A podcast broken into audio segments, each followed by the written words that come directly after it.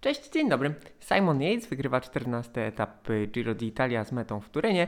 Etap, który z pewnością na koniec sezonu znajdzie się bardzo wysoko w podsumowaniach najciekawszych i najbardziej ekscytujących wydarzeń w kolarstwie zawodowym. Ja nazywam się Marek Tyniec i codziennie wieczorem komentuję dla Was najważniejsze wydarzenia na Giro d'Italia. To miał być ciekawy etap. Tak mi się dzień ułożył, że mogłem go obejrzeć w całości i nie żałuję. Tym bardziej, że akcja trwała w zasadzie od pierwszych kilometrów, próby organizowania ucieczki itd., tak itd. Tak Natomiast faworyci klasyfikacji generalnej wzięli się do pracy właściwie 70 km przed metą u podnóża pierwszego podjazdu Superga Y, drużyna y, Bora Hansgrohe y, zaczęła nadawać dzikie tempo, a nawet nie tyle drużyna Bora Hansgrohe, co Wilko Kelderman. Wilko Kelderman, który niezmordowany prowadził peleton przez ponad całą tę około 30-kilometrową rundę, rundę w, po wzgórzach wokół Turynu i to był po prostu rzeźnik Kelderman. Selekcja, jakiej dokonał i cierpienie, do jakiego zmusił y, rywali Bory, no naprawdę niespotykane. Zatem mieliśmy naprawdę długi, długi czas, kiedy trwała rywalizacja na najwyższym poziomie. Kelderman na początku kolejnego okrążenia no jednak spasował. Natomiast tam już wtedy było z przodu zaledwie kilku zawodników. Boże udało się nas poniekąd zaskoczyć, bo jakby na to nie patrzeć, ta drużyna do tej pory no, nie słynęła z przejmowania odpowiedzialności za przebieg rywalizacji na górskich etapach, mm, a tutaj to właśnie zrobili. Co więcej, e, udało im się kilka bardzo istotnych rzeczy. Odizolowali Richarda Carapaza od jego pomocników. Drużyna Ineos Grenadiers wydawałoby się na papierze przed tym wyścigiem najmocniejsza, Tymczasem, tymczasem Carapaz przez długie, długie kilometry w czołówce jechał sam, sam musiał troszczyć się o swoje nawodnienie, odżywienie oraz y, analizować taktykę swoich rywali. Dodatkowo wielu, wielu rywali Bory zostało naprawdę postawionych pod bardzo dużą presją. E, stracił dzisiaj, stracił dzisiaj Valverde. E, bardzo duże problemy miał bardzo duże problemy miał Almeida. Almeida, który podobnie jak na Blockhouse wykazał się, wykazał się pewnym rodzajem takiego opanowania i w momentach, w których tracił kontakt z grupą, po prostu, e, po prostu utrzymywał swoje tempo, nie szarpał się i tak naprawdę znakomicie udało mu się zminimalizować straty, co nie zmienia faktu, no, że kilkukrotnie okazywał słabość. Co więcej, fatalnie zjeżdżał i tracił również na zjazdach. Ja będę musiał to sprawdzić, czy w poprzednich sezonach był tak zły na zjazdach, czy coś się z jakiegoś powodu zmieniło, ale to budzi pewne zaniepokojenie. Mm, pod presją byli również kolarze Bahrajnu, Mikel Landa również kilka razy i Bilbao, który niewątpliwie pomaga swojemu rodakowi. Kilka razy również byli w opałach, choć równocześnie y, zdarzało im się też kontratakować. No, Landa jak to Landa walczy do końca. Także było tam naprawdę bardzo, bardzo wiele sytuacji do analizy. Bardzo dzielnie, bardzo długo e, bronił się już nie lider, ale wciąż jechał w różowej koszulce. Tę koszulkę stracił, przekraczając e, linię mety. Juan Pedro Lopez, e, Hiszpan z Trek Segafredo Mm, walczył ile się dało, utrzymywał się w czołówce bardzo, bardzo długo, no ale w końcu jego zasoby się wyczerpały i to, co obserwowaliśmy, no to e, ewidentnie przykład tego, jak zawodnik, który przez dłuższy czas jedzie ponad stan, e, no właśnie traci, traci dostęp do węglowodanów zgromadzonych w swoim organizmie, nie jest też w stanie ich więcej przyswoić, no i, no i traci. Aczkolwiek trzeba powiedzieć, E, on na mecie był uśmiechnięty, zadowolony e, i poniekąd miał rację, ponieważ on był, on był dziesiątym zawodnikiem na mecie, mimo straty 4 minut i 25 sekund do Simona Yatesa i 4 minut i 10 sekund do Jaya Hindleya. mm, to tak naprawdę realnie rzecz ujmując, on się zameldował w ścisłej czołówce. No bo słuchajcie, Jan Hirt 11 na mecie 6,28 straty, 12 Valverde 8,04, a Gruppetto na etapie, który pamiętajcie, był krótki, stosunkowo krótki, 147 km, trochę ponad 3000 metrów przewyższenia, a Gruppetto ze stratą prawie 40 minut, 39-43, tam przyjechał e, między innymi Cavendish i Demare.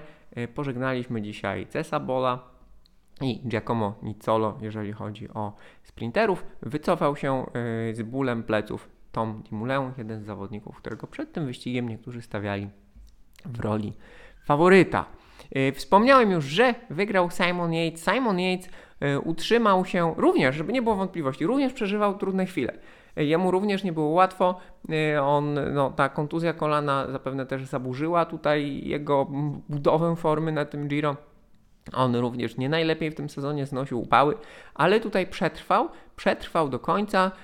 No i tak naprawdę już na ostatnim podjeździe, ponieważ po, podjeździku, takim mini hopce, ponieważ Trasa cały czas prowadziła góra-dół. Oczywiście mieliśmy te e, kluczowe podjazdy, czyli Superga, czyli Madalena. E, natomiast jeszcze po Madalenie, czyli po tej stromej ściance, która była ostatnim takim oficjalnym podjazdem dnia, było jeszcze kilka mniejszych, a na koniec, już kiedy kolarze w zasadzie zaczynali zjeżdżać, tam było jeszcze kilka takich przegibków i Yates tam uciekł. Uciekł innymi Nibalemu, e, kiedy widzieliśmy, że Vincenzo Nibali jest e, w ścisłej czołówce, w, w czołowej czwórce. Wydawało się, że ze względu na to, że droga do mety prowadzi w dół dosyć szybkim technicznym zjazdem, to Nibali będzie tym zawodnikiem, który e, rzuci się tutaj po zwycięstwo podsumowujące jego karierę, podsumowujące jego styl jazdy.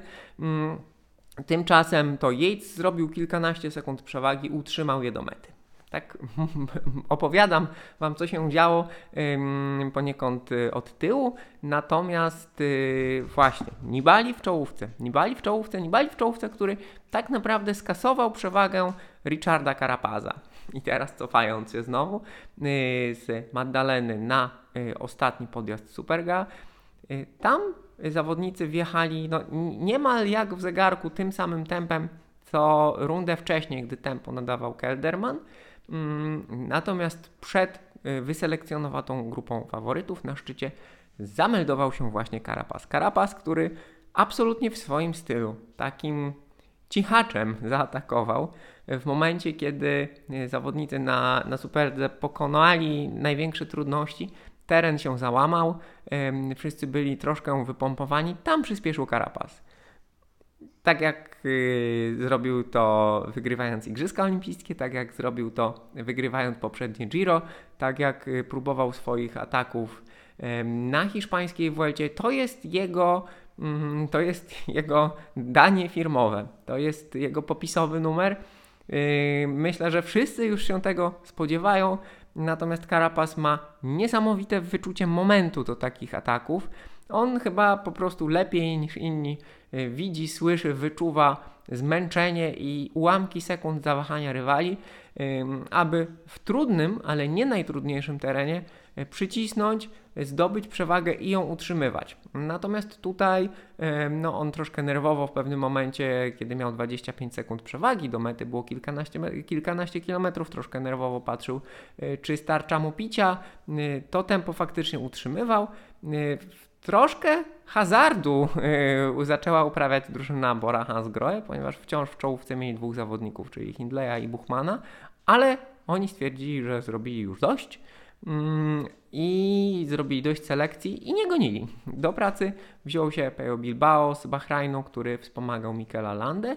Yy, no i tak naprawdę to jego praca sprawiła, że Carapaz nie zdobył większej przewagi. Na ostatnim podjeździe Mandalena z kolei Zaatakował Nibali. Zaatakował Nibali i to Nibali yy, dopiero potem wspomagany przez Jaya Hindleya skasował atak Karapaza. Oni dojechali do Karapaza, dojechał do nich Yates yy, i taką czwórką właśnie znaleźli się na tym mini, mini przegibku kilka kilometrów przed metą, kiedy szosa już zaczynała prowadzić w dół i tam zaatakował po zwycięstwo etapowe Simon Yates. Wspomniałem Nibalego, no, imponująca jazda włoskiego weterana sprawił na pewno bardzo wiele radości yy, włoskim kibicom yy, i jest teraz yy, w klasyfikacji generalnej już na ósmym miejscu ze stratą 2,58 mm, do Karapaza. Karapaza, który jest nowym liderem, Karapaza, który gdzieś jeszcze w międzyczasie ścigał się o sekundy bonifikaty na premii lotnej, ostatniej premii lotnej dnia. Mm, natomiast no, na finiszu i z kolei tam większą bonifikatę, na finiszu o drugie miejsce lepszy od niego był Jay Hindley. Mm, także mamy bardzo, bardzo ciekawą sytuację w klasyfikacji generalnej. Carapaz 7 sekund Hindley, 30 sekund Almeida, tak jak powiedziałem, znakomicie zminimalizował straty, mimo że podobnie jak Carapaz był osamotniony przez dużą część dnia. Jego koledzy z drużyny Emiratów no, tutaj nie dali rady. Potem mamy Landę, który również mimo trudnych chwil ma 59 sekund straty, wciąż jest w grze i rewelacyjna dzisiaj jazda Domenico Pozzovivo, który do Karapaza w klasyfikacji generalnej traci minutę i sekundę.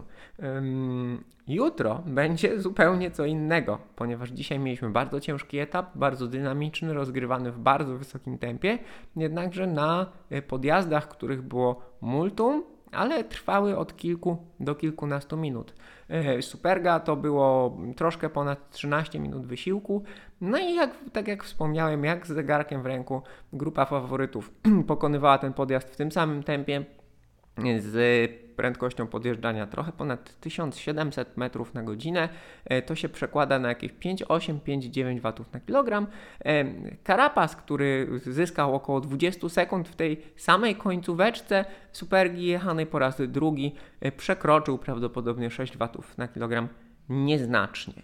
To nie są, słuchajcie, jakieś wartości kosmiczne. Jeżeli porównamy to z tym, co e, Pogaczar robił na Tour de France, na podobnej długości podjazdach, czy Rogli, czy na Vuelcie, to jest to mniej. Oni tam przekraczali zazwyczaj 1800 metrów na godzinę.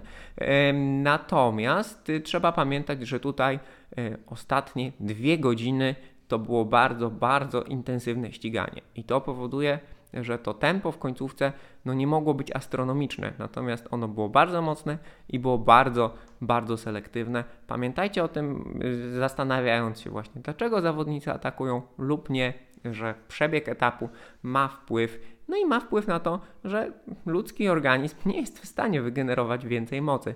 Chociaż tak jak mówię, to wciąż było e, bardzo, bardzo dużo.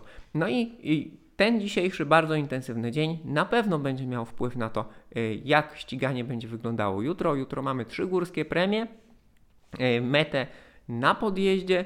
Y, istotne jest jednak to, że to będzie zupełnie, zupełnie inny wysiłek, bo każdy z tych podjazdów ma między 800 a 1000 metrów przewyższenia. Zatem to będą wysiłki kilkudziesięciominutowe, zupełnie inna jazda. No i zobaczymy komu y, po jeździe w tym upale, w tych, po tych ciągłych zrywach, po y, pokonywaniu tych stromych ścianek na podjazdach wokół y, Turynu, komu ile energii zostało. Tutaj trzeba będzie jechać wszystko, co się ma, ponieważ w poniedziałek dzień przerwy.